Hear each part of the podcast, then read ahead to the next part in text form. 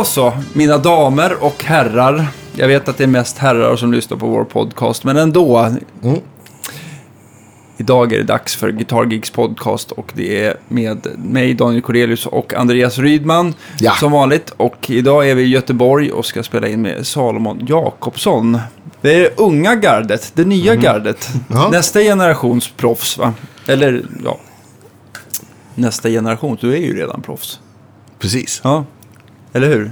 Känns det inte På så? sätt och vis kanske. Ja. Jo, men det får man väl säga. Jag, jag har hört ehm, eh, så himla mycket goda lovord av dig, eh, om dig via Magnus Olsson, Mm. Ja. som ni samarbetar väl en del va? Ja, precis. Ja. precis. Och hur upptäckte han dig?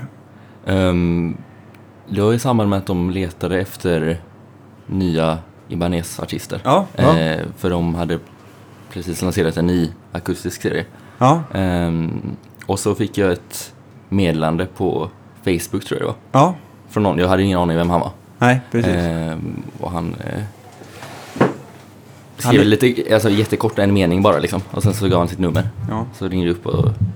För mig, jag höll- hade ju bara hållit på, visst jag spelade ju ute mycket men det var ju mest liksom på... Jag höll ju på att lära mig fortfarande liksom, kände Ja, jag jag, själv. Och det känner jag fortfarande egentligen. Hur länge sedan, är- jag vet inte hur gammal du är. Nej, jag är mm, 23. 23? Ja, Men, eh, underbart. men när var det här då? Det här var i eh, slutet av 2015. Ja. Det var det. Så att jag skulle precis iväg och spela i Portugal. Mm. Så, så här, dagen innan eller så, här, så Ja. hörde han av sig. Fast ja, det blev väldigt kort och jag, jag trodde inte det var på riktigt. Du fattade inte Nej. att du pratade med världens trevligaste skåning? Nej, exakt. exakt, men det har jag fått lära mig nu efterhand. Ja, är det? Ja. Han är charmig, våran Magnus. Ehm, eh, men hur- hur kom, när lyfte du upp gitarren för första gången? Mm, vi har ju haft gitarr hemma, Ja. alltid liksom. Ehm, och jag har varit fascinerad av den liksom, Ja. sen jag var liten. Men ehm, jag började spela fiol egentligen, Okej. när jag gick i tredje klass. Ehm, Var det någonting du själv ville eller var det föräldrarna som tyckte att det här blir bra? Nej men det var, Kulturskolan hade något program där Okej. alla barnen fick testa Ja. alla instrument typ. De tyckte, du var, du, de tyckte du var musikal, musikalisk? Det här blir Nej men jag tyckte faktiskt det var kul. Ja. Eh, fiol och gitarr. Mm. Och problemet var att eh, det var för långa väntetider på gitarr. Jag ville börja direkt. Jaha. Så Ja, jag just tänkte det. köra fiol istället. Okej. Men eh, det höll bara i en två, två år ungefär. Ja. Och sen så blev det gitarr. ja. Ja. Hade du några så tidiga influenser och förebilder? Inom gitarrspel Ja. eller musik eller? Ja. Ehm, jo men i början så var det mycket så här, gammal eh, hårdrock typ. Ja. Eh, Klassisk, Ja, classic här Black rock Sabbath liksom. och Ja. eh, Iron Maiden och sånt. Tyckte jag var spännande. Men även, jag vet inte, Imperiet och lite sådana. Alltså Mm. mer åt rockhållet än liksom. Mm. Men då spelar du, spelar du elgitarr då eller? Um, ja, lite grann. Ja. Men ganska snabbt så blev det um, klassisk gitarr. Ja. Eh, eller det var akustisk gitarr liksom på Kulturskolan. Ja. Eh, så var det, ja, lära sig läsa lite noter och Ja. spela enkla fingerplockstycken liksom. Mm. Eh, Men samtidigt, parallellt med det, så höll jag på med elgitarren också. Mm. Spelade band med Rocka, kompisar. rocka vid sidan av sådär. Exakt, Ja. exakt. Bilda lite band i skolan kanske? Ja, precis. Ja. precis. Det Så vi att- alla har gjort liksom. Exakt. Mm. Mycket bra. Vad, vad var det som, som fick dig att dra, dras till liksom? För du spelar väl, i dagsläget är väl stålsträngad Ja. gitarr din Exakt. Så att, eh, huvud... för sedan dag ett egentligen, sen jag började med gitarren, så har det, innan jag visste hur, hur jag skulle spela, eh, ja, jag vet inte, jag hittar på små grejer själv liksom. Ja. eh, melodier och ackordföljder och så. Ehm, och jag gillade ju ändå det här mer, alltså så här nutida, mer modern liksom så här, Ja. musiken överlag. Ehm, men jag gillade också den här friheten av att spela själv ja, på klassisk gitarr. Ehm, och då blev den stålsträngade gitarren någon slags brygga emellan båda Ja, just det. Är ju som en slags hybrid mellan, du har ju dels det här med uppmickningen Ja. eh, och den biten som är väldigt central. Eh, samtidigt som det är, det är, en aku- det är ett akustiskt instrument. Mm. Mm. Så att eh, den, den står sig liksom även bara ensam i rummet liksom. Utan någon, någon extra elektronik. precis. Ja. Men var, var det typ så här Andy McKee och sådana som... ja, eller jag hade en period i början där, där det var mycket så här Candy Rat. Ja. Eh, alla möjliga där. Som, var, Mm. som jag tyckte om. Men det var ju samtidigt också det här. Don Ross, tänker jag. Ja, precis. Han var härlig. Och, eh, men jag, jag var ändå mer i början, jag vet inte, det var på grund av att jag hade den här klassiska bakgrunden. Ja, Så hade jag fått för mig att det var så här, nej det är dåligt att vara perkussiv liksom och slå på Ja. gitarren. Och det var en sån anti-perkussiv eh, tonåring typ. Eh, så att det var mest, nej men man ska köra fingerspel och det ska vara liksom så här högerhandstekniken och sådana saker. Eh, men det, det fanns ju ändå där i Mm. bakhuvudet liksom. Och nu på senare tid så har jag ju ändå, det har vidgats liksom. Mm. Så att det så länge det finns en musikalisk anledning att göra det så tycker jag ja men visst, jag håller med. Annars så, för det är så många som slänger in sånt bara för att det ska vara så här showigt. Ja, men Eh, precis. Ja, men och det kan ju vara nice också, men Mm. för mig är det i alla fall, det måste finnas något, någon anledning. Att det är grundat i musiken, Exakt, exakt. inte i cirkus. Exakt. Vad kör du för... Kör, du öppna stämningar och sånt också eller? Det var ju en sån grej från den tiden. Så Ja. var det väldigt mycket. Ehm, så det var dels de här vanliga liksom, medaljad och öppet D. Och, men eh, sen bara försöka stämma om och se vad som händer liksom. Mm. Eh, så det är en låt jag körde igår som har en sån stämning. Där jag stämmer om gitarren till eh, ett öppet F-maj 9 med Okej. C-bas. Med Okej, capo ja. då eller? Nej. men så det är C. Hur stämmer Exakt. du då? Eh, så att från mörkaste strängen till ljusaste så är det ett C. Ja. Så har vi kvinten i basen, sen grundtonen F. Sen ett till C. Sen så har vi G-strängen, den är helt vanlig, som Ja. en standard. Sen så har vi tersen A. Och sen så är E-strängen också kvar, som eh, Ja, maj det. Ja, visst. Så har vi, Alltså du stämmer ner B-strängen alltså till helt till A. ja exakt. Ja, just det. Ja. exakt. Så Ja, fint. C, F, C, G, A, E. Och det låter fint. Ja. Men problemet då som man upptäcker att det är ju jättekul att hålla på och stämma om. När du håller på och skriver och är hemma liksom. Men sen när du kommer ut och spelar. Ja, rent Och- praktiskt. Det blir... Exakt. Då är det jättestor risk att det blir ostämt eller att det, man drar ner hela stämningen för att du måste stämma. eh, Ja, men och då precis. blir det att om man ska försöka prata när man stämmer så blir det någon slags mummelprat typ. Eh, Ja, Det är det här med multitasking. Ja, Exakt. Du får öva på, på att stämma och prata helt ja, enkelt. exakt. Ja, men det har, det har jag gjort. Men Ja. det, det blir aldrig lika bra som när man bara pratar. Nej, eller bara stämmer. Exakt, exakt. Men nu för tiden så är det mer, jag vet inte, för jag har insett att det som jag tycker är kul med musik överlag liksom, Mm. det är det när man har alltså begränsningar på något sätt. Det får mig att bli mer kreativ. Mm. Och en sån begränsning är till exempel att, okej men vi håller oss kring standard Mm. och försöker eh, utforska och tänja på det så mycket som Mm. möjligt. Eller att vi använder bara den eh, akustiska gitarrens eh, begränsningar också liksom. Så jag använder väldigt sällan pedaler och grejer liksom. Nej. Enda effekten jag brukar ha är reverb. Eh, så annars... Lite trivsel sådär. Ja. Exakt, Ja. exakt. Nej, men jag förstår. Det kan bli lite väl torrt annars med när det blir det här. P- jag vet inte vilken mick du föredrar, men... Mm. ehm, men eh, Jag, jag använder eh, en kombination av två olika. Ja, just det. Så, att jag har eh, dels, alltså huvudljudet kommer från DiMarzio Black Angel Ja, systemet. just det. Så det är, är, en, det är en ljudhålsmick, va? Eller? är det magnetisk? Magnet, ja, I precis, ja, ljudhålet ja. och sen så har vi piezo Ja. Ja. Men tar någon av dem upp liksom själva liksom knackningarna i gitarren? Ehm, ja, men inte så bra som jag skulle vilja. Nej, så att jag, att jag ja. vet väl att det finns... Vad är det, vad, vilken är den ultimata knackmicken? Ja, eh, ingen, alltså, Vi jag ska ju prata om Anders Kahn med det här. Han är, Ja men alltså han är bra på att knacka. tycker jag är väldigt bra. De tar ju upp liksom Ja, kroppsljudet just det, just det. väldigt mycket. Så att det var det så tror jag jag är tänkte också. som... Ja. Så Du att, får eh, en kombination av tre mickar i din. Ja, exakt. Mm. exakt. Så att det är Black Angel och sen... Jag tror faktiskt att du kan byta ut piezo mot någon K... eh, eh, KRK. Eller vad säger jag? Det är inte KRK. K&K. K&K. K&K. Ja, förlåt. KRK men är jag- studiomonitorer va? Ja, eller hur? Jag- jag- Det är söndag och tidigt. Det är inte Ja. lätt att komma ihåg allt. Nej, men jag har ju det eh, K&K Trinity har. Ja. Så det är en Ja, just det. kombination utav kondensatormick och de här tre kontaktmickarna under. Ja, just det. Just det. Ehm, så att, men jag har testat och jag tycker ändå att eh, alltså, Pietson från DiMarzio-systemet låter bättre än kontaktmickarna från K&K. Okej. K&K är också, de är ju ganska känsliga på impedans. Vad man stoppar in dem i för... Ja, precis. De kan bli lite dova. eller- Ja, precis. Mm, Eller för linebox kan göra jättestor skillnad. mm, exakt. Så, men hur, hur bländar du dem då? Vad kopplar du, kopplar du Ehm, dem till? jag, jag har kört lite olika sätt. Eh, jag hade ett jättekrångligt sätt tidigare. Ja. Jag hade en liten eh, eh, femkanals mixer. Så jag kopplade in och sen så hade jag separat EQ för varje Mm. mick liksom. Ehm, men det var ingen bra mixer så det blev ganska mycket brus Jaha, i slutändan.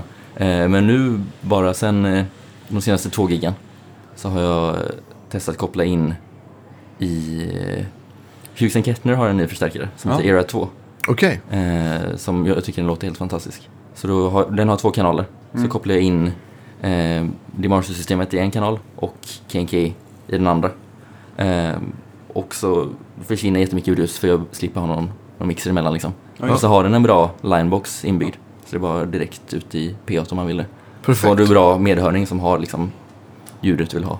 Perfekt. och Det är Ja. viktigt att det är smidigt också. Ja, exakt. Men jag tänkte också så här, om du håller på och stämmer om eh, vad heter det, gitarren mycket och, Mhm. eh, under sitt, eh, sin spelning eller någonting. Det är Mm. väl också rätt mycket att man måste väl nästan tänka på att försöka planera låtarna Ja. efter varandra så att det inte blir de här, eh, att det kanske bara blir att ibland bara ändra någon sträng Nej. istället för att man liksom ska ändra alla sex hela tiden. Ja, fram och tillbaka. Så att man liksom, hela, ja, med gitarren får in ja, halsen en annan spänning och det Ja, precis. tar en stund innan det sätter sig. Liksom. Exakt. Jo, men det brukar jag.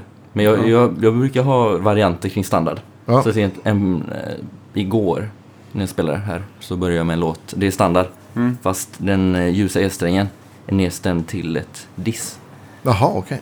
Ehm, Jaha. exakt. Så Det det har jag aldrig hört talas om. Så Nej. Nej, inte jag men det, det är ju så det jag Vad menar. går låten att, i för tonart? eh, den kretsar kring någon slags eh, gissmoll eller assmoll kan Ja. man säga. Eh, så att det fungerar ju det som är i kvinten liksom i tonarten. Precis. Eh, men den är, den är kromatiskt överlag liksom. Mm. Eh, den ska vara lite dissonant ibland, så det är skönt att man har eh, den tonen som kan användas som en lite off, off Mm. ibland. Liksom. Eh, men det var det jag menade innan, liksom, att eh, man kan låta stämningen styra över... Mm. Nej, eller hur ska jag säga? Låt låten bestämma hur du ska stämma om, snarare än tvärtom. Mm. Det kan vara... Det tycker jag ja, om. makes sense. Ja. Men, men jag tänkte också på, från kulturskolan där, Mhm. har, du- har du eh, pluggat gitarr efter eller hittade du någon privatlärare eller hur gick det efter det så att säga? Mm, jag, efter det så um, gick jag musikestetlinjen på gymnasiet. Ja, Eh, tre år var det. Det var exakt, alltså, i, jag vet inte, fem minuter ifrån där vi sitter nu. Jaha, okej. Ja. Det här är dina hoods helt Exakt, enkelt. gymnasiehunds i alla fall. Ja. Ehm, men eh, då var det ju ingen som riktigt spelade akustisk gitarr på det sättet. Ja. Nej. Så, så att då var det ju mer att jag fick köra elgitarr och mm, jazzgrejer och så här hålla på. Eh, och lära mig annat som var utanför det jag höll på med egentligen. Och det var ju bra, liksom, för då fick jag med mig massa... Det gav mer än vad det förstörde i alla fall. Ja, ja, Ja, absolut. ja. absolut. Eh, och sen efter det så gick jag mm, musikvetenskap Ja. eh, vid Göteborgs universitet. Ja. Ehm, och det var, det var bra. För då, då hade jag ingen lärare. Utan, eh, alltså lärare för gitarrspel då. Förstår. Utan då var det bara att vi gick igenom musikhistoria och eh, teori och Ja. sådana saker. Som är bra att kunna om du skapar musik. Ja, För du, om du inte vet vad som är absolut. gjort så kan du inte utforska vidare känns det. Ehm, och nu sedan i augusti då så bor jag inte kvar här. Nej. Utan jag har flyttat till Malmö. Ja. Och Hur känns på- den flytten då? Det känns jättebra. Ja. Det är det. Är en skön liten stad. ja, visst. Ja, Nära till Köpenhamn tänker jag också. Ja. ja precis. exakt. Och det är ganska nära till Göteborg också egentligen. Ja. Motorväg hela vägen. Ja. Ehm, och då går jag på Musikhögskolan där. Ja. Mm. Individuell musiker. Ja. Ehm, Vilka, vilka gitarrlärare har du i, i Malmö? ehm, de gav mig tre lärare. Ja. Så dels var det Mats Andersson heter han. Mm. Ehm, från Malmö. Spelar sju strängar brasiliansk gitarr och jazzgrejer Mm. eh, grejer och så. Eh, jätteduktig. Och sen eh, hade jag klassisk, klassiska Gunnar Spjut eh, som varit där länge. Eh, och Claes Otterlid. Ehm, ja. Är Men det det- skönt att få liksom input från tre olika gitarrlärare sådär som... Alltså inte, inte egentligen. Inte Rör till allt. Är det sådär att den ena liksom eh, säger så här ska du göra och så river den andra ner den där muren som du har byggt upp då till... Ja, Eller de, de är ändå så här, i och med att jag går den linjen Ja. som jag går, så behöver de ändå ha någon slags respekt för att så här, du- jag har ingen kursplan på samma sätt som om du hade gått jazzlinjen eller om du hade Ja, gått klassiskt Ja, till exempel. Eh, utan det ska liksom vara anpassat efter det jag håller på med på Ja. riktigt. Ehm, så då kände jag att eh, bland eh, de yngre så är det lite lättare att förstå. Men Mm. vissa som har varit där länge kan, ha lite, kan vara lite för konservativt för mig. Ja. Mm. Eh, så att det jag har uppskattat mest har egentligen varit det som inte varit gitarrrelaterat. Utan eh, jag fick lite kompositionslektioner till exempel. Mm. Ja, just av det. Rolf Martinsson som är fantastisk Mm. klassisk kompositör. Eh, som lärde, ja, lärde mig massor. Och även gehörsgrejer och lite sånt Mm. runt om eh, stärker nästan mest kan jag känna. Hur många år är den linjen? Eh, tre, Ja. så jag har två år kvar. Men det är toppen. Då har du ju liksom jättemycket tid att öva och Ja, skriva och Precis, precis. utvecklas.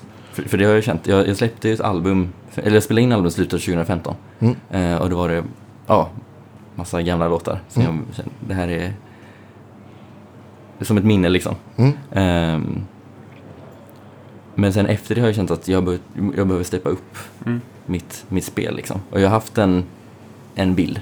Eh, en, en väldigt suddig bild, men ungefär liksom, okej men det är hit, det är så här jag vill att Vart du vill spelas. musikaliskt så att Exakt. säga. Ja. Och jag har tänkt mycket på det, liksom, så här, vad- den akustiska gitarrens eh, styrkor liksom, Mm. jämförelse med de andra, alla andra instrument. Eh, och om man jämför, till exempel om man bara spelar ren klassisk gitarr, Mm. eh, ja, så är det ju mycket bara toner och polyfoni liksom. Det är, ehm, det blir lite som ett bärbart piano kan man säga. Just det. För du... Men, ska man säga? Du... Men jag tänker också så här ändå- klassisk gitarr, det är väl väldigt att eh, tekniskt ha en snygg tonbildning Ja, och att, att liksom Exakt. att eh, man ska liksom eh, just sån här eh, nu vet jag, nu gör man väl säkert lite eh, vibraton också i klassisk Mm. gitarr men det är väl liksom, eh, det är väl, man ska väl, det är väl lite mer att man ska hålla sig inom boxen eller för att det ska låta rätt eller man ska inte, man ska inte vara så punkig helt nej, nej, precis. nej. precis. Det har jag märkt som jag har försökt spela så det är många Ja. som... Ja. men... Eh, vad ska man säga? Det, för om man kollar bland yngre gitarrister i allmänhet så Mm. det vi rör oss mot är att använda gitarren mer flerstämmigt liksom. Mm. Inom Mm. alla stilar.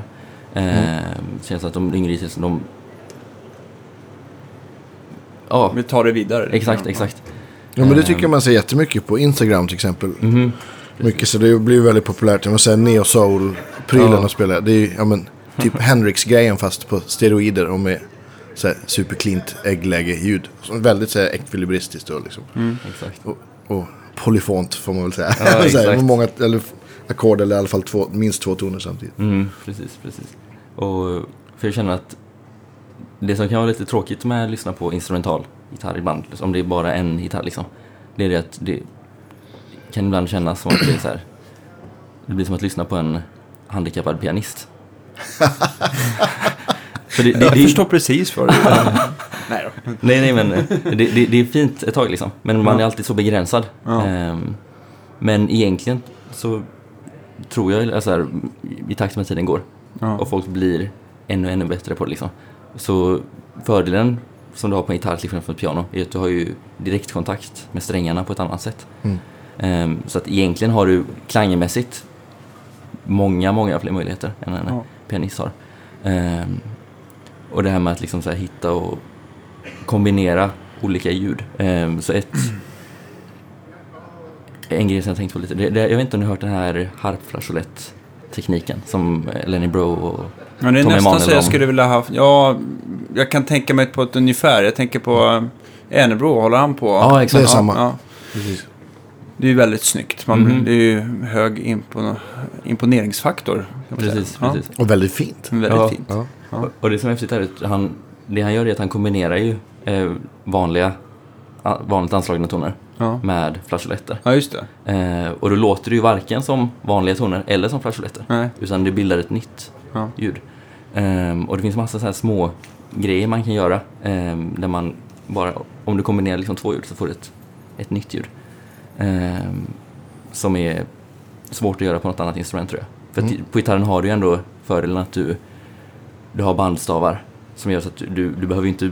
Jag blev, jag blev så sugen på att springa och hämta en, en gitarr. Ja, Men det går väl inte. Nej, jag bara roligt att få det demonstrerat för, Mm. för, eh, för lyssnarna. Men vi, vi får ta det i nästa podcast. ja. Mm, Ja. precis. du släpper nästa platta. Exakt. Så får vi köra. Exakt.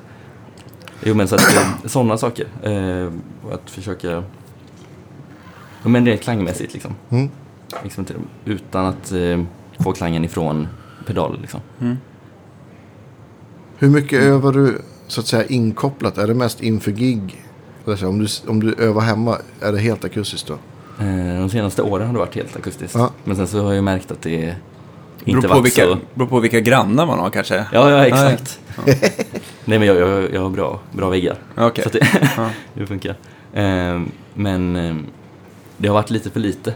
Så att jag, när jag har gått upp på Ja. scen så har jag märkt att det har varit lite för dynamiskt ibland. Liksom. Så att Mm. det jag är van vid att höra när jag sitter liksom nära gitarren och spelar svagt går inte alltid ut Nej. genom P8. Eh, så nu den senaste tiden har det varit inkopplat mer och mer. Mm. Ehm, och det, det känns mycket, mycket skönare när jag går upp på scen nu då. För att du vet Ja. ju hur, hur den reagerar. För annars är det alltid den här grejen, man har övat mycket och sen så kommer det lite som en chock. Att, Oj, kommer det här ljudet fram så mycket? Det hade jag Ja, inte tänkt på liksom. Ja, men, ja, det är därför jag frågar. Det. En klassiker, det är ungefär som, som man har lärt sig någonting sittande så ska man stå och Ja. spela det. Det kan också vara en sån fallgrop. Ja, exakt. Men hur jag tänker så här, då du, då du, då du övar, sätter du upp så mål och så övar du på sak, olika saker i sjok. Så här, men nu ska jag öva på harp, flageoletter eller har du Ja, någon, någon, alltså jag- någon så plan på hur? Mhm. För det är någonting som jag har tänkt på länge. Jag kommer ihåg när jag var så här 15-16 års åldern. Ja. Så var så här, min största fråga, eller det frågade alla gitarrister jag träffade, typ var så här, hur, hur övar du? Ehm, och då fick jag ju massa olika svar. Ehm, och så har jag testat olika sätt att lägga upp det på. Men jag märkte det sättet som är, som ger mest för mig och är mest effektivt. Det är att jag delar, jag tänker innan liksom, så här, vad, vad är det jag vill få ut utav övningstiden? Ehm, och så har jag väl skrivit, sk- för några år sedan så gjorde jag en liten sån lista liksom, att, ja, men det att jag vill kunna ehm, komponera fritt liksom, i olika stilar och kunna blanda. Liksom. Ehm, och att eh, få större förståelse för halsen. Och, och sen så sådana saker. Och om man sen bryter ner det till, okej men vad behöver jag göra för att kunna nå till det här? Så får du ju bara massa saker som du behöver öva på. Delmål Eh, liksom. Vad sa du? Delmål. Ja, exakt. Då exakt. Kan man bryta ner det i uppgifter liksom. mhm. Ja. Och sen så har jag gjort så att eh, jag, jag brukar ha typ 20 minuters segment. Mm. Okej, men så här 20 minuter utav, låt säga, halvflageoletter. Mm. Sen så mm, 20 minuter utav, eh, håller på med någon så här, jag vet inte om ni har hört Tosin Abasi från Analysis Leaders. Mm. Någon så här basteknik, liksom, thumping kallar det. ja, just det. Precis. Nästan som, Som ett slapping nästan. Släpp tremolo typ. Ja. Eh, kanske 20 minuter och sen så kanske 20 minuter jag håller på rätt, håller igång eh, min, min setlist typ. Ja. Eh, och då är det ett övningspass, liksom, en timme. Ja. Ehm, med variation. Och sen så en liten paus, så du inte skadar dig. Mm. Sen kan du göra vad du vill. Och sen så bara har man sådana en timmes segment in- indelade olika. För då, då tappar du inte, eller för mig i alla fall, jag tappar inte koncentrationen. Ja. Och ehm, det blir inte den här dödtiden som jag haft mycket. När jag var yngre kunde jag säga, ah, men jag, idag har jag spelat sex timmar. Men egentligen så har det bara varit kanske två timmar sen som man bara suttit och, jag vet inte, tappas bort. Du verkar inte vara den här typen som sitter eh, med gitarren i soffan när du tittar på tv i alla fall. Nej, jag har ingen tv ens. Nej? Vad bra. Ja. Där ser ni framgångsreceptet va? Precis. Släng ut tvn. Ja, men det är ju en stor skillnad på, på att sätta sig och spela gitarr och öva gitarr. Ja, ja, precis. Ja. Det är nästan så att man, det är liksom en kvart verkligen öva gitarr ger mer än att bara sitta och slö titta på tv medan man har gitarren i knät. Ja, det, ja, det- ja. Men jag, jag tror båda två. För att jag, jag brukar gilla att så, om man kanske- inleder dagen Ja. med övning. Ja. Och sen så resten av dagen så har du det är fritt liksom. Ja. Eh, Ja. För då, för det kan ju vara lite hämmande ibland. Ja. Att bara öva liksom.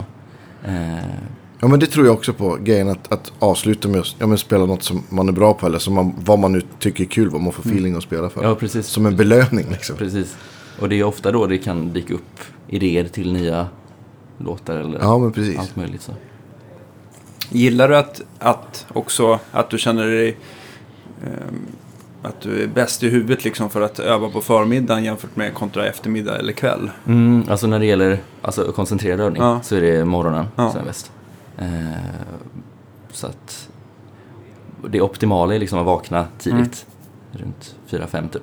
Ja, Eh, Ja, det är skittidigt. Men det, det går ju inte alltid liksom. Eh, ja det beror ju på när man lägger sig. Lägger man sig Exakt. som jag klockan 10 på kvällen så... Ja. Ja, det går det ju. Eh, för jag vet inte, det, det är inga, inga som stör då egentligen. Det är lite som att spela på natten.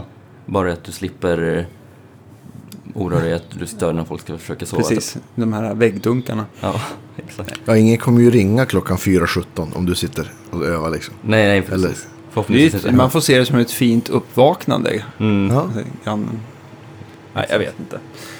Ehm, Och jag det, tänk- det är en annan sak som är skön om du börjar tidigt. Ja, Eh, så om du verkligen behöver göra saker sen under dagen Mm. så har du gjort ja, det du vill göra och behöver göra. Eh, och sen så är du fri att göra exakt vad du behöver eller vill göra på eftermiddagen. hur många, hur många timmar om dagen känner du att du behöver spela för att liksom, eller hå- hålla den nivån du har tänkt, tänkt dig så att säga? Alltså det har förändrats jättemycket. Mm. Eh, jag testade ha nu för ett tag sedan, då var jag bortrest en, Ja. vecka Ja, och spelade väldigt lite. Eh, och så kom jag hem och så funkade det ändå, ja, eh, vilket var nytt för mig. För det har alltid varit så att jag behövt hålla igång varje dag, annars så blir jag stel liksom. Eh, så att förr har det alltid varit liksom så men varje dag minst tre timmar typ. Ja. Eh, men nu för tiden så, jag tycker ju om att spela mycket. ja. Men eh, om det inte finns möjlighet för att annat livet kommer i vägen så Mm. funkar det ändå. Så tre timmar är i alla fall ett bra snitt. Ja, eh, ja precis. Idag. Ja, eller idag. Det beror på. Alltså nu när, låt säga om jag går på skolan där och övar. Så är det ju... Får det gärna bli mer liksom. Det är ju därför jag går där, där liksom. Vad har du för andra kurser sådär? Har du kunnat välja själv? Du berättade att du hade komposition. Och, har du något så ensemble eller något så att du spelar med andra också? Eller? Jag, jag ville ha det. Ja. Jag kunde inte ha det i, i år för jag gick första året. Det Aha, så här okej. konstigt. Jag vet inte. Ja. Det är samma jag vill ha. Eh. Men nästa år kommer det bli det. Ja, Men annars så spelar jag ju med andra också för skojs skull. Så ett litet projekt med en eh, klarinettist. ja. Eh, som, eh, han kommer från, från början från eh, Kurdistan. Eh, så vi spelar liksom så här, musik från Kurdistan, eh, Turkiet. Ja, vad Så, häftigt. Ja. Så det, det är jättekul. Ja, Mm. det får ni spela in. Ja, Ska jag väl höra. precis. Ehm, nu stod det stilla.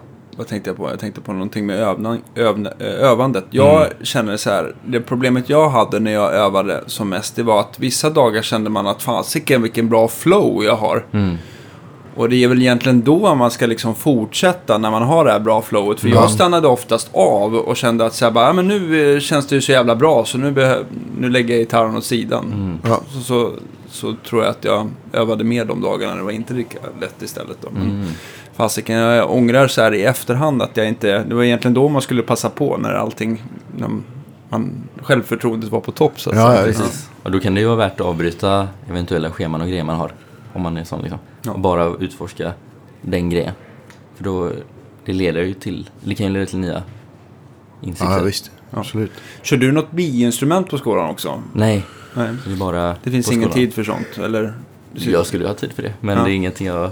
Ja, det du längtar inte alla sätta dig bakom pianot eller eh, slå på trum, trummorna eller någonting sånt? Nej.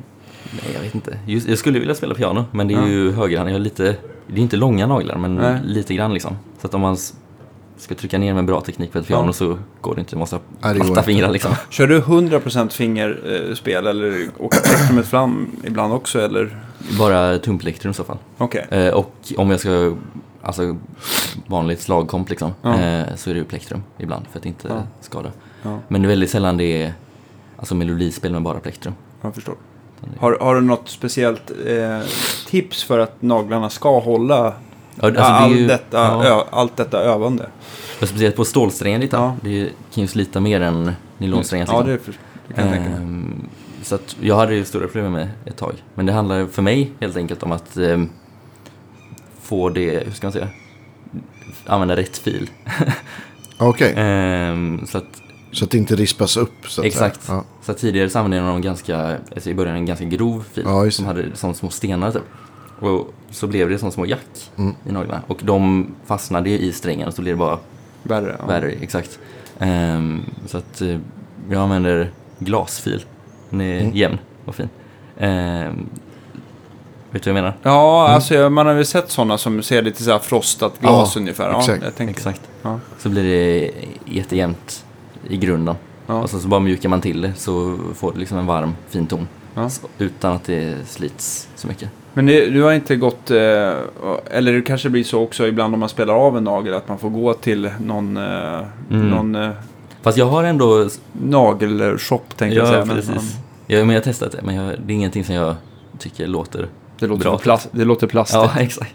Det låter ju lite, jag har ju sådana, det låter ju lite som plektrum. Men jag Mm. gillar ju det liksom. ja, Det är därför jag har det. men jag har någon kombination mellan, alltså så här, alltså det är ganska korta, så det är en kombination utav fingertoppen och nageln. Okej. Så Ja, men om- det är lite något- som klassisk teknik. är väl också så, fingertopp och nagel va?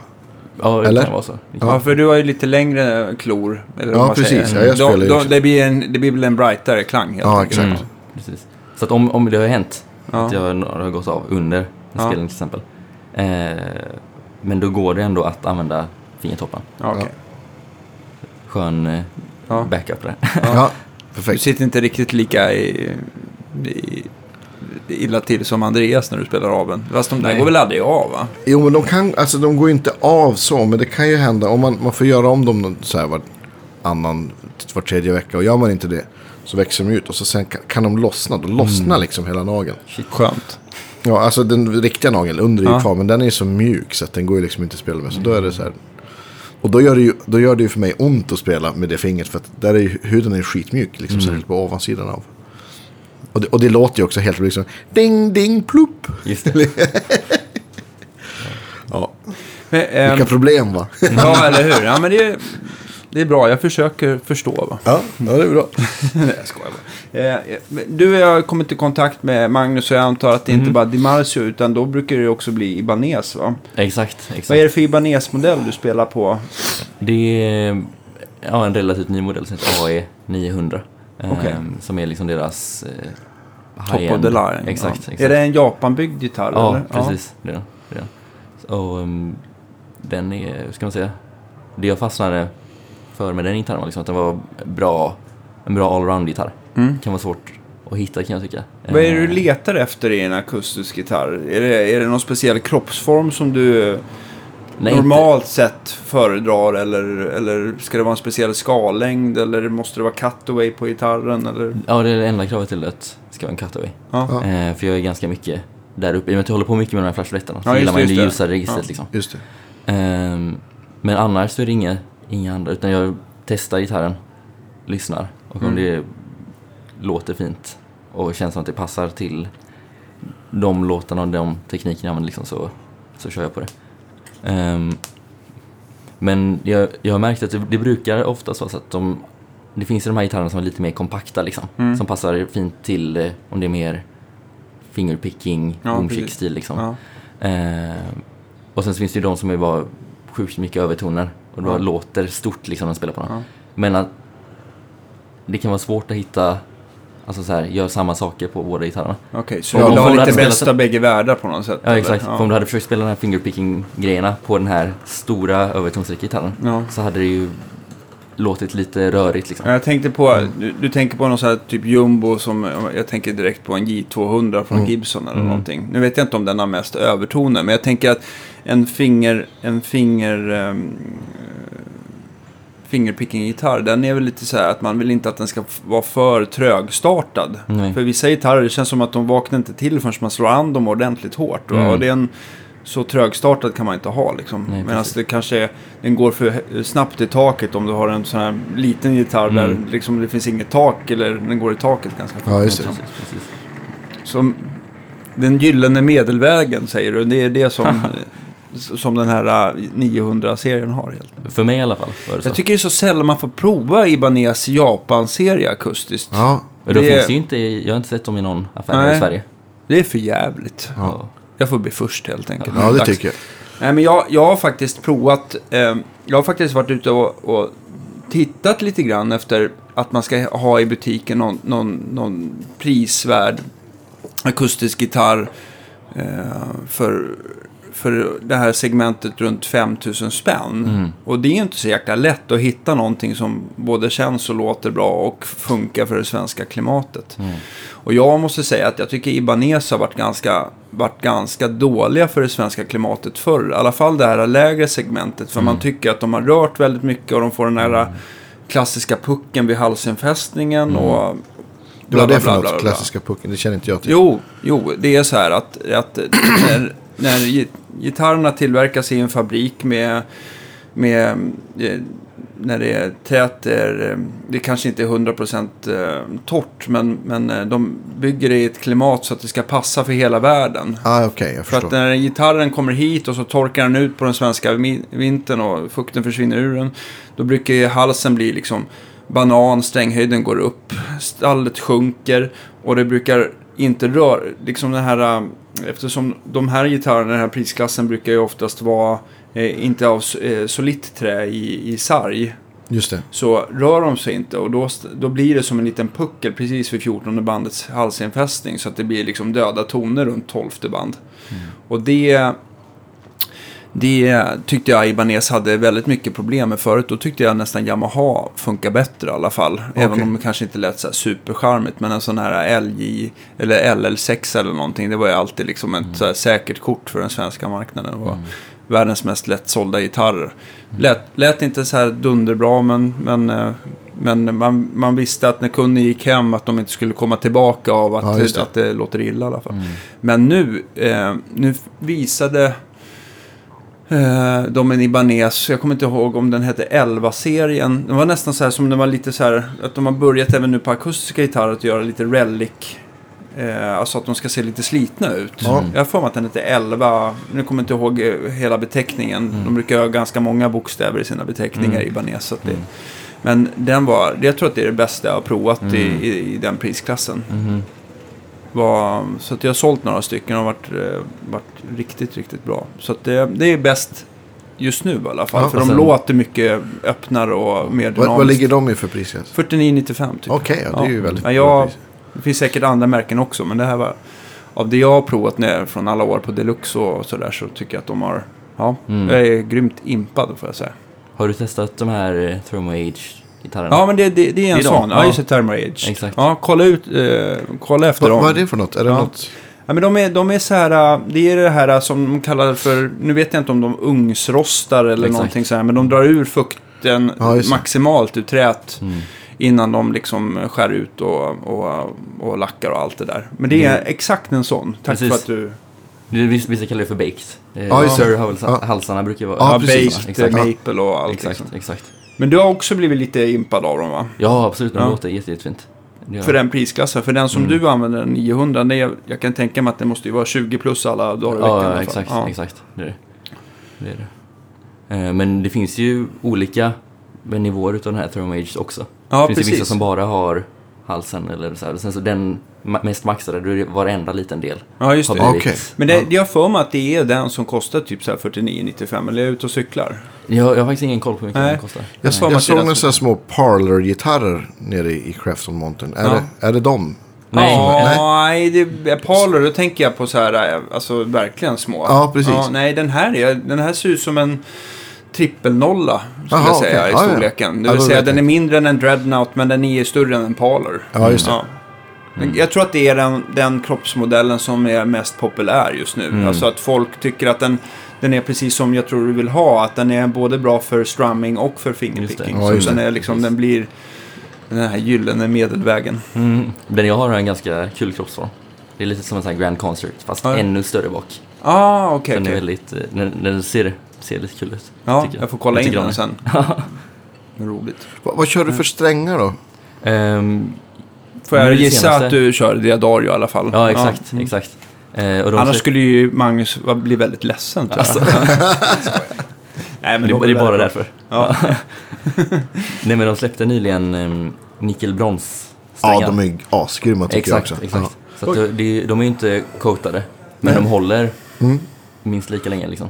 Ungefär som på elgitarr, de NYXL. Det är lite samma. Mm, mm. Fast på Akigura Berätta, liksom. den här nickelbronssträngen, den, är väl, den ser väl nästan ut som en elgitarrsträng när man ser den på håll. För den har väl inte den här uh, bronsfärgade... Nej, exakt. De är Looken? Ja, den är med, silvrig, Ja. liksom. Exakt. Och eh, jag kan gissa att det är nästan en ännu snärtigare ton än de jämfört med vanliga fosforbrons. Eller, Mhm. eller en andra legering. Och Fosforbrons, det ser man ju, den går ju nästan att den blir lite så här... Kopparig. Röd, kopparfärgad. Medan den här 80-20 brons, den blir ju mer guldfärgad i, i Ja. looken. sådär. Ja, precis. Exakt. Jag vet inte vilken du har föredragit, men jag vill minnas att fosforbronsen, man upplever det som den som lite mer övertonsrik, fast det är väl egentligen mer att den har lite mindre mellanregister.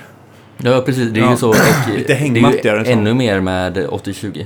Ja. Eh, då är det liksom nästan bara botten och high-end liksom. Jaha, Eh, Ja. Väldigt lite mellanregister. okej. Så att jag, jag brukar förr så Jag upplevde jag, det nästan som fosfor hade mindre mellanregister än 80-20, men det kanske är... tror den har mer. Ja. Det brukar vara, i alla fall i mina då.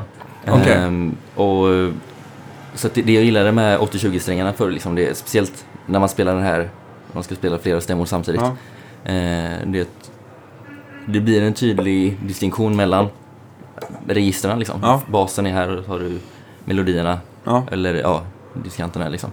Eh, men det som är nice med alltså, de här nickelbronssträngarna är att eh, det, det är lika mycket bas och diskant. Ja. Men mellanregistret är uppressat liksom.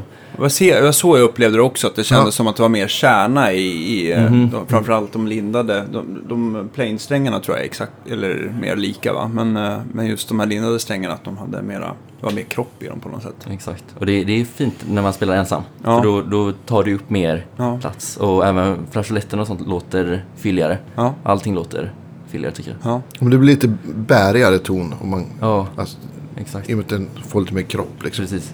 Precis. Så de, de får eh, bäst i test. eh, Ja, absolut. Vad kör du för tjocklek då? Ehm, 12 till 53. Ja. Och oberoende på stämning så har du samma sträng. Mm, faktiskt. Ja. Ehm, på den här gitarren i alla fall. Ja. Sen så, eh, jag det, jag vet inte, det är olika från gitarr till gitarr. Vissa känns ju bättre med 13 liksom. Ja, Men det Ja, brukar visst. vara runt 12-13 jag använder. Ja. okej. Så hellre 13 än 11 i alla fall. Ja, ja, exakt, exakt. Jag testade det. Det finns sådana som är 13... 13,5 till om det var 56,5 tror jag. Oj, shit. Mm, Men, ja, Men Du är ju så jävla stark. ja, nej, men de var, det var nästan i... i Björnen från. Granö kallas Ja, precis. ja, nej, men de, det är favoritsträngar även för mig faktiskt. De Ja, är ja, ja. mycket, mycket, mycket trevliga. Men man, man kan väl ändå säga att 012 till 53, det är väl liksom standard. Alltså, det är, Ja. väl, det är väl som motsvarande elgitarrens 10. 010. Ja. Mm, precis. För då låter det ändå fint och komplett liksom. Och det är inte för jobbigt att spela. Nej. Ja. Nej, men, men eh, finns det någon fördel med att till exempel va, eh, att an, ha- få användning av till exempel tunnare 011 eller även 010 strängar? Vilka, vilka, vilka gitarrister skulle du rekommendera de tjocklekarna för? För akustisk gitarr? Ja. Jag vet inte, ingen, Ingen, oavsett nybörjare eller om du gillar att spela Albert King-solon eller... Kanske, jag vet Kanske, inte. ja. Det, är, det är ingenting som jag är så Nej, jag, tänk, jag tänker ändå att de där strängarna, alltså folk... Alltså det är klart att det kan, om du liksom... Utan att justera dragstången drar på ett tjockare strängsätt så blir ju stränghöjden oftast högre för att Mm. det drar halsen framåt. Men korrigerar man för det så är det ju ändå inte sådär att jag tycker... Alltså, det gör ju lika ont att spela på ett 11-set eller 12-set så. Så Mm. man, det är inte så att man besparar massa smärta bara för att man har nödvändigtvis tunna strängar. På akustisk gitarr. Jag tänker på elgitarr, där är det ju mer att man vill verkligen bända hela tiden. Och Mm, då kanske ja. det gör lite Just mer skillnad. Faktiskt. Men eh, ja, Men om man är liten, alltså om man är, om man är sex år kanske det är trevligare att ha ett 010 set på en Mm. Akigura än om, än men det, En låter, bara, 13,5. det låter egentligen bara blask när man dammar på. Eller att det bara skorrar järnet.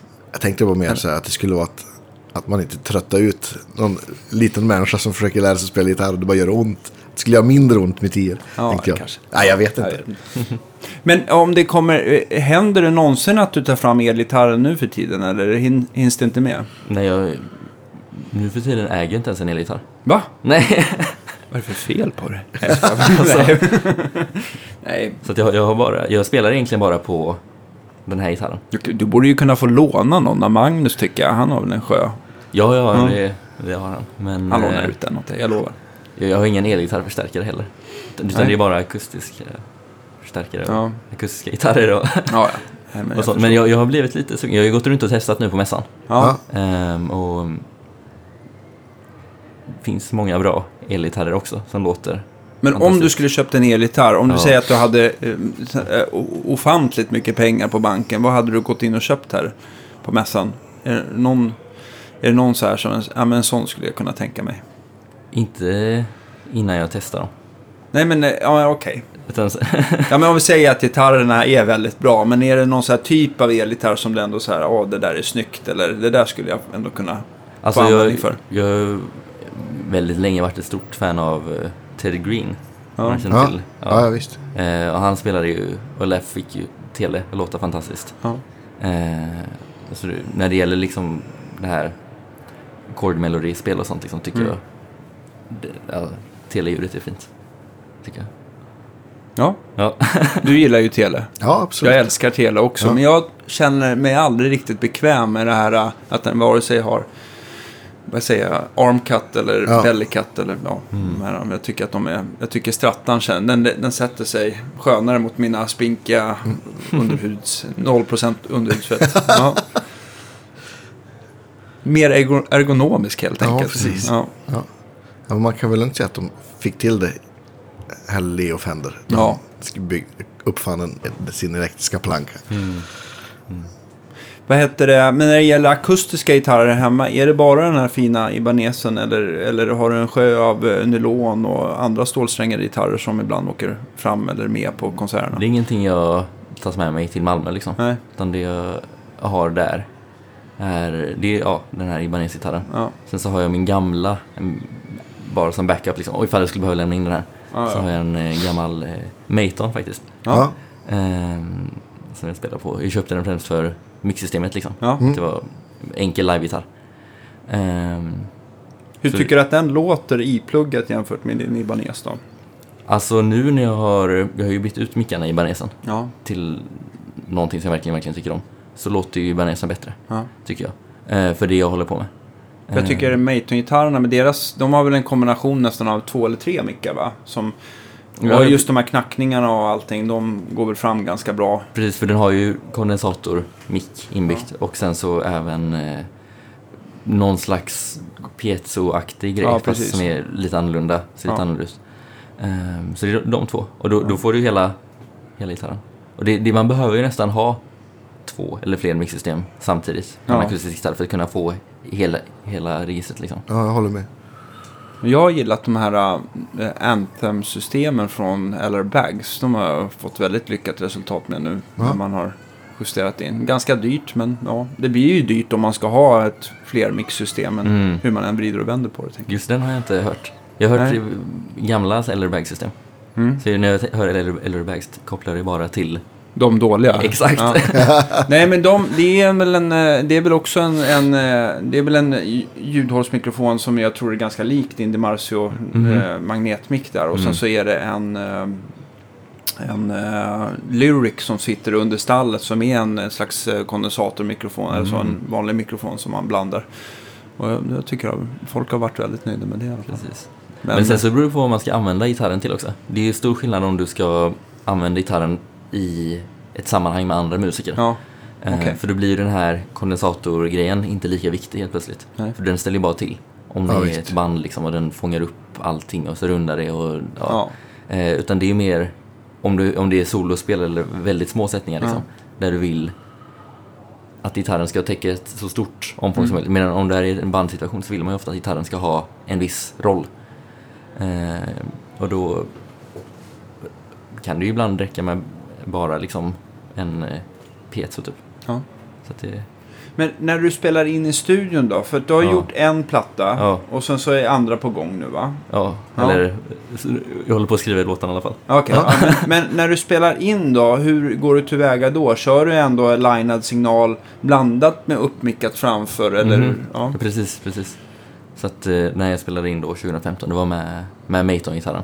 Eh, och då var det bara att koppla in med en, en telekabel liksom. Så Ja. fick man ju båda Ja. båda mickarna. Och sen så var det, det var ju länge sedan, men det var en, ett, ett gäng mikrofoner Ja. i, i rummet liksom. Ja. Och så spelade jag in, ehm, det var utan metronom eller någonting, så jag bara spelade Ja, in till micken och så blev det, blev det som det blev. okej. Ja. Övar du mycket med metronom annars?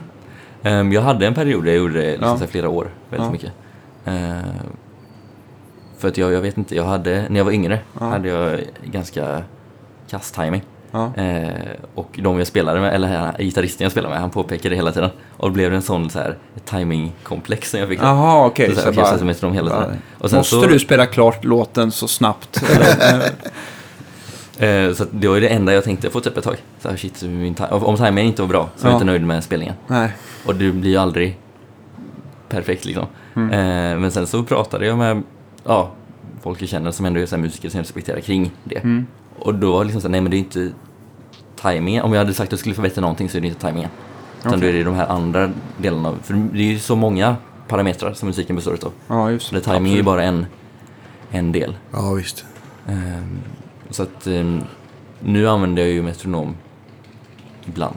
Okej. Men inte, inte på samma galna sätt liksom. Plankar du andra gitarrister sådär? Är det så att om du ser något kul på YouTube att ja men det här vore kul att lära sig? Sällan. Sällan? Det är ja. oftast bara så här, alltså musik överlag Mm. eller eh, pianister eller harpmusik eller så här. Mm. Sådana saker. Mer, man, mer klanger och sådär liksom, eller? Ja, precis. Eller om man hör någonting så det här lät, fint. Och hur skulle det låta om jag gjorde det? Ja, just det. Ja, så det blir lite utanför boxen på något Ja, sätt. exakt. Ja. Så jag hade en period när jag... Du plankar Gick harpa i- alltså? Ja, Ja, det är exakt. roligt.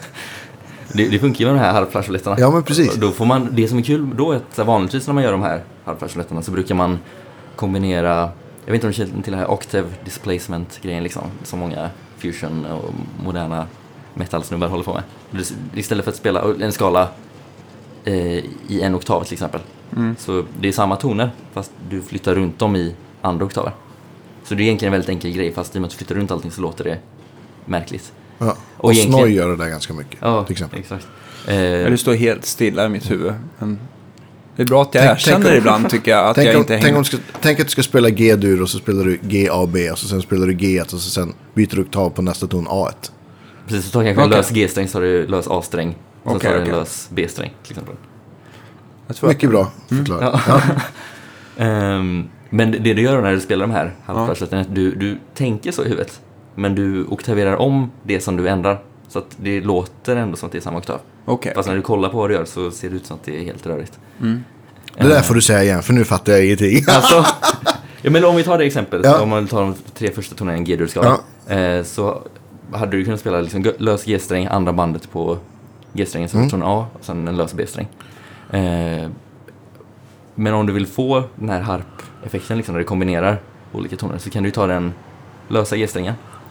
Och om du vill ha ett A i samma oktav som Mm. den som du har på andra bandet där. Precis. Så tar du bara eh, en oktavflageolett på, På lös A-sträng. Ja. så låter det ju samma. Precis. Men båda ton, istället för att du dödar en tonen så ringer båda samtidigt. Ja, just det. Så tar du lös G-sträng, flageolett på A-strängen och sen Ja, en just lös. B-sträng. Ja, precis. Så låter Ja, just det. Då blir det inte för annars. För det vanligaste soundet med harpflageoletter det är att det hoppar i oktaver va?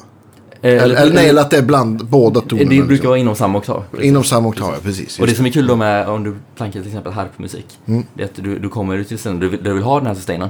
Men det går inte. För att det är, så här, det är toner som är, det är större hopp liksom. Det är Ja. inte bara att de spelar skalvis liksom som man gör Nej. med de här flageoletterna. Utan då får man börja använda flageoletter som är, eh, du vet, det finns ju flageoletter över hela strängen. Mm. På sjunde bandet, femte bandet, fjärde, tredje, överallt liksom. Eh, och då får man tänka ett steg till liksom. Så om, om, om jag trycker ner den här tonen så ser det ut som att jag tar ett E till exempel. Eh, men om jag, och om jag kan få ett E 12 band ifrån. Ja, om jag gör det precis. 7 band ifrån så får jag B. en oktav plus en kvint liksom. Ja, det. Får jag ett B. Så då får man så här. Eh, det är som att det finns massa osynliga toner över hela halsen. Ja, precis. Eh, som också, det är svårt. Jag, jag, är, inte, jag är inte så Ja, bra på precis. det än. Men med, bara på lös E-sträng så har du ju oktav upp på, om du kör flageoletten Mhm. på tolfte band. Mhm.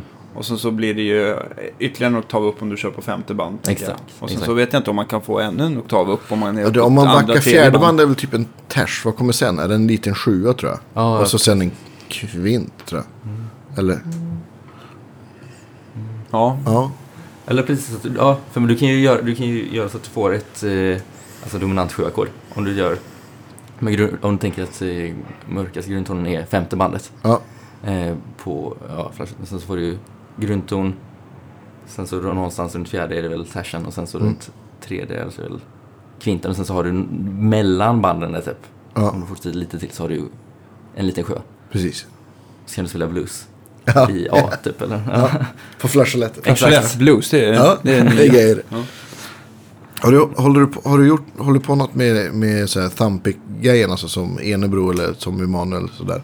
Uh, tänker du boomchick? Ja, ja, precis. Fram och tillbaka till Ja. tummen. Ja, jo precis. Det hade jag ett tag. Jag tog ju lektioner för Emil faktiskt när jag var Ja, så här, eh, 16-årsåldern. Ja, En, jag vet inte, fyra, fem gånger. Ja. Det var bästa gitarrlektionen någonsin. ja men det förstår. Han är ju Det är, det fantastisk är svårt sätt. att hitta en trevligare gitarrlärare, Ja, kan jag tänka mig. verkligen. Ja. Jag var ju superpedagogisk. Och Mm. så här, många av de grejerna är fortfarande kvar som någon slags Ja. grund till det jag håller på med då. Så han visade ju mycket av de här harpflasholets-grejerna Ja. liksom. Ehm, så att, och, när det gäller den här fingerpicking-grejen liksom, så spelade jag ju sådana Chet Atkins, Ja. Tommy-grejer liksom. Ja. Men det som var roligast för mig där var den här kopplingen mellan den akustiska gitarren och det jag pratade innan med begränsningar. Mm. Eh, och jämföra det med alltså typ 8-bits-musik, så här, Nintendo-musik från 80-talet tänker jag. Exakt. Ja. För att om, om du, eh, för jag vet inte, jag hade en period där jag tyckte om sådana spel. Ja. Mycket liksom, jag spelade bara för musikens skull. Perioden, den, den är väl allt för allt den där. Ja. Ehm, för att ett sånt ljudkort eh, har ju ungefär samma begränsningar som om du spelar fingerspel på en akustisk gitarr. Ja, För du har ju en baskanal, Ja. eh, två melodikanaler och en noise-kanal. Och det är allting du har att jobba med. Och det är ungefär vad du kan göra på en gitarr. Du kan spela en basslinga, Ja. kanske två melodier, eh, lite, ja, och sen noise som kan vara Ja. en perkussiv grej liksom. Eh, så då hade jag en liten period där jag försökte planka och transkribera sån musik. ja, roligt. Och mycket sån musik, det är ju så här oktavbas typ. Ja, Och då är det ju att du använder ju samma teknik. just det. Ja. Vilken rolig, rolig spaning. Hört. vilket, vilket spel har bäst musik för gitarr i 8-bits? Alltså i- alla som har så här oktavbaser är ju ändå relativt enkla att spela. Ja, Ja. Så, så här, jag vet inte om ni har hört så här Bubble Bubble. Så här, det är små drakar som skjuter bubblor på monster typ. Så ska man ta Ja. sig igenom olika banor. Jag tror att jag har spelat det, men det här var länge sedan. Ja, ja. Jag kom det, det måste ju varit så här senare hälften av 80-talet. Ja. Ja. Precis. Eh, Men sen annars en annan kul låt. Om man vill börja spela den här Ja. stilen. Eh, Tetris-låten. Då är det ju också så här oktav och kvintbas. Och sen så är det en melodi som alla tycker är kul.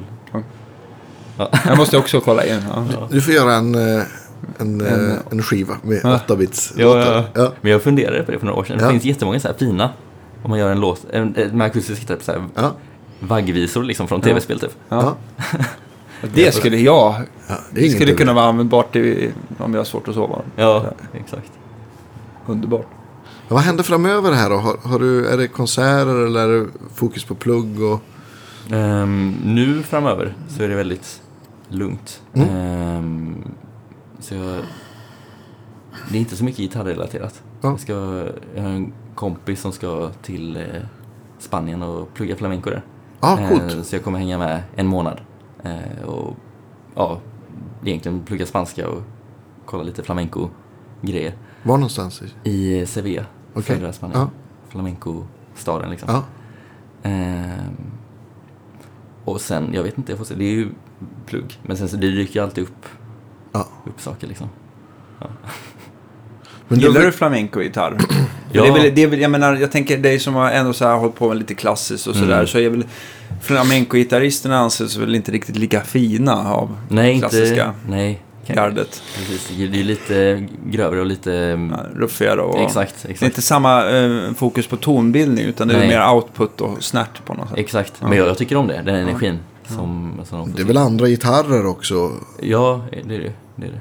Ehm, Vi har inte haft någon flamenco-gitarrist. Det Nej, jag vet upp, att alltså. eh, jag ska prata med... Eh, vi har ju en, en god vän i Stockholm som heter Jonas Göransson som allt Mm. han sätter sig in i ska, det- ska, eh, så går han verkligen all in. Mm. Och han har väl varit inne både på flamenco, det här Gypsy. gypsy, style Mm. och eh, spela jump blues och country och, Ja. och rock'n'roll och allt möjligt. Och, ja, det, är- jag ska höra lite med honom, för är det någon som vet så är det han. Mm. Så får vi prata det med honom. För det, det är ju verkligen en helt annan värld liksom. Ja, med visst. rytm och Ja. så här. Jag är ju ingen expert på det, men när jag har fått det förklarat för mig liksom, så Ja. är det Och det är ganska mycket improvisation också va? Ja, exakt, Ja. exakt. Och samarbeta med liksom dans. Precis. Och hela, en helhetsshow liksom. Ja, Kul. Ja. Mhm. ja skitkul. Men- men, Härligt eh, att hänga i Spanien också. Det är Ja. Hur långt har du kommit till, i låtarna på för din nya skiva? Mm. Ehm, det beror på, alltså det är alltid svårt att bli nöjd och säga att Ja. man är färdig. Och sen så har jag ju många grejer som jag säger, jag vet inte om jag ska ha med det eller inte typ. Så mm. häromdagen, så, eller ja, för några veckor, några veckor sedan, så skrev jag någon grej som var alltså väldigt så här Ravel impressionistisk typ. Mm. Och jag tycker den är fin. Mm. Men det är samtidigt så att det är inte tillräckligt mycket jag kanske för att släppa. Aha, Eh, okej. Så att det är så här, det beror på hur höga krav jag ställer på mig så har jag kommit Ja. olika långt. Om jag, om jag verkligen ska ha högst krav så är det kanske halvvägs. För jag har fortfarande vissa grejer kvar med vissa tekniker som jag Ja. nu vill använda som jag kan. Eh, men så jag inte, vad ska man säga, jag vill göra det mer polyfont än vad jag hittills lyckats. Har du använt den här uh, Torsin? Tekniken till något? Exakt. Ehm, försöka hitta sätt så att man kan använda den och liksom så här, ska man säga, tummen har ju hand om bas och det är mer så här Mm. perkussiva anslaget. Men sen så har du ju de här andra fingrarna. Ja, bara man lägger det på rätt sätt liksom och låter kanske ett finger hålla ner här, meloditon och så låter det en ett annat finger liksom så här ibland trycka ner, ibland ja just mer perkussiva ljud liksom. Så kan du få det att låta som att det är eh, flera melodier samtidigt. Ja, just det. Ja, coolt. Eh, men det är, ja, behöver lite mer tid. Men, Ja. Bra projekt. Använder Ja. du mycket, mycket kapon? Nej, nästan aldrig. Okej. Nästan aldrig. Man blir så sur när man glömmer det hemma. ja, men det är... Ja. Jag har ju skaffat sådana här som man sätter som sitter där uppe så här. Man bara Ah. skruvar på baksidan. Då, då sitter de där liksom. Ja. Härligt. Per automatik har man väl. Men det finns ju många, det finns ju sådana spider-kapos till exempel. Ja, visst. När du har, Ja. kan trycka ner varje sträng separat. Mm. Och slipper du stämma om, men du kan ändå få ett liksom Den öppet grejen, precis. sound. Ehm, men nej, inte än. Inte än. Så småningom kanske. Jag, jag fick av eh, min gode vän och kollega Staffan Johansson som spelar med Lasse Winnerbäck. Han Mm. hade köpt någon sån här eh, kapo som du sätter som. Det är liksom inte ett kap utan den gör flageoletter. Det är som små gummitungor så du kan liksom sätta den på ja, men tolfte eller sjunde band. Ja. Och, och så, ja men det väl, funkar ju asbra med kanske mest öppna stäm- stämningar Mm. Men så om du frettar någonting så blir det en vanlig ton. Men du, om du då spelar en lös sträng så Mm. får man liksom en flageolett. Så det, det Ah. blir as, ascool. Är det, var den svår att ställa in, tänker jag? Ja men det är lite pill. Och man, man, man kan liksom, det är små gummitungor. Så kan Ja, man, ja precis. får man liksom dra och skjuta dem så att de Mm. Sätter Lagom tryck, men Så inte det trycka liksom- för mycket så att det går att ta tonen bakom liksom. Ja men precis. Så att det, men det är ju lite så här, ska man göra det live så får man nästan ha en gitarr som är inställd för det. För det, det är lite så här pill. Eller också får man öva på att prata väldigt mycket. bara, ja, precis. Det blir mycket mummel där. Ja precis. Så, så. Ja, men den nya skivan den eh, kommer i alla fall skilja sig lite grann från den som du släppte 2000, var det 2015? Så- Eh, eller jag spelade in den då, sen så Ja. blev den släppt 2016. Okej. Eh, ja, på, sitt sätt. Ja. Vi får se. Kommer den bli helt instrumental? Ja, det kommer det bli. Jag har ingen fin sångröst. Nej, men jag tänker du kommer inte ta in någon heller. Nej, jag Nej. tror inte det. Nej. Inte, inte nu. Kommer du bara vara själv, helt solo, eller kommer du ta in någon till? Ehm, det kommer nog vara helt solo. Ja. Tror jag. Kanske, men det beror på. Jag har liksom så här vissa grejer som ändå känns som att det hade blivit bättre med någon percussion kanske. Ja, Ehm, som inte går att göra på en gitarr samtidigt liksom. ah, jag fattar. Ehm, men jag får se. Eller så ja, väntar jag med de låtarna till något annat Mm. Okej, projekt. Projekt, liksom. ja, visst. Du har aldrig hållit på att göra loopar med, med så här, trumma på gitarren? Jag, jag har ju testat det i så här, musikaffärerna typ. Ja. Får se hur det funkar. Ehm, men nej, ja, jag, min, det jag velat göra är ju att kunna spela som om det vore loopat fast utan att loopa. ja, jag fattar. Eh, För jag vet inte, jag tycker om, det är visst man behöver ju kämpa lite mer för att få det att funka. Ja. Men den friheten du får när du faktiskt kan spela flera saker samtidigt Mm. är, eh, är värd det tycker jag. Har du något bra tips där om man ska öva sådana här saker som, som, som innefattar liksom väldigt många moment? Och hur, Mm. Hur gör du själv? Bryter du ner det i korta segment och övar det väldigt långsamt? Och sen då du kan det går du vidare eller hur, hur tänker du där? Um, jag får tänka hur jag göra det. Det varierar ju. Ja men det brukar vara mm, korta segment. Ja, Alltså bara någon, någon takt liksom åt gången, långsamt. Mm. Och sen koppla ihop med nästa. Och sen så att inte glömma att eh, öva övergångarna mellan segmenten. precis. Eh, så att man inte bara tar, okej den här takten, den här takten, den här takten. Övergångarna är ju minst lika svåra. Typ. Ja, ja men visst. Och, och, Och sen när det gäller den här, jag kommer ihåg när jag började, den här när man håller igång tummen, som spelar en basgång och sen spelar melodier ovanpå. Så tänkte jag mycket med att, okej men vil, när kommer tumtonen samtidigt som fingertonen? Ja, när kommer den tonen Mm. ensam? Så att man liksom så här, på ännu mindre nivå verkligen så här, ja, bröt ner det till eh, eh, om någonting händer, händer samtidigt som något annat eller inte händer samtidigt som något annat. Men om man, när man gör, gjort det tillräckligt mycket så sker det ju per automatik. ja men precis. Då, då muskelminnet lär sig liksom ja, hur man ska. Ja. exakt. Vilken gitarrist imponerar mest på dig just nu? Är det någon som du lyssnar in det på? Eller? Hmm, jag är inte... Eller alltså i så fall, jag vet inte. Tycker om ehm, Julian Lars. Ja, Eh, fantastisk. Ja. Jazz... På tal om tele och, och exakt, jazz. Ja, Exakt. Eh, och han spelar ju också mm, flerstämmigt snyggt liksom. Ja. Eh, och även snyggt i band och jätte, jättefin ton. Och verkligen så här, han är så stabil i sin hand liksom. Jag vet inte, det är någonting jag tycker om att lyssna på med gitarrister, liksom hur deras hand låter. Om de har övat väl eller inte liksom så, här, man, så hör man att eh, man, det är det jag tror man folk hör. Vissa säger att man kan höra en gitarrist som bara spelar en ton Mm. och så räcker det. Mm. Det är liksom så här, själva stabiliteten i, i handen liksom. Ja, det där är så himla svårförklarat. Man hör nästan på en gång om bara folk tar något, Ja. par toner så kan man, kan man nästan avgöra direkt hur, hur, ja. hur bra det är. Mm. Ja, men det kommer jag ihåg, alltså, då, jag, då jag pluggade och man satt så här i sökjurys. Bara hur folk tar fram en gitarr tycker jag att man kan se Mm. På något sätt. Om de är bra eller inte. Men det visar ju någon slags eh, rutin, erfarenhet. Ja, men det gör väl det kanske. direkt, liksom. Och den tryggheten är viktig liksom, för att kunna njuta av musiken tycker jag. Ja, absolut. Så att Julian Lars är bra. Annars så är det, jag vet inte. Eh, blandat liksom, lyssnar mycket. För några år sedan så hade jag, tyckte jag väldigt mycket om, eh, jag tycker fortfarande om det. Eh, Tigran Hamassian, har ni säkert hört. Nej, jag är helt... Va, vad sa du för något? Tigran Hamassian. Aldrig hört. pianist. Nej. Nej, från eh, Armenien. Okej. Som blandar typ så här. Eh, massa olika stilar men det är huvudsakligen armenisk folkmusik med jazz och Ja. lite mer metal-element typ. Oh shit. Eh, fast det är olika från album till album. Ja, Eh, men det är häftigt för att det är, hur ska man säga, rent musikaliskt, eh, liksom melodiskt harmoniskt är det väldigt simpelt. Mm. Men rytmiskt så blir det så här väldigt komplicerat. är det mycket 7 Spännande. och 9 eller? Ja, eller bara Ja. att eh, spela mot varandra. Ja, okej. så här, eh, Ja, Ja. Har du haft någon svensk gitarrist som, eh, som eh, stor inspiration? Kanske bortsett från Emil då? ja, Emil. Eh, annars, stor svensk gitarrist. och så. Ehm,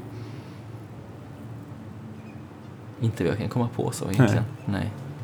Vi får skärpa oss Andreas. Ja, precis. Skärper där ute i Sverige? Nej. Ja. Men det, det har inte varit så mycket gitarrister senaste åren i allmänhet. Nej, det är sant.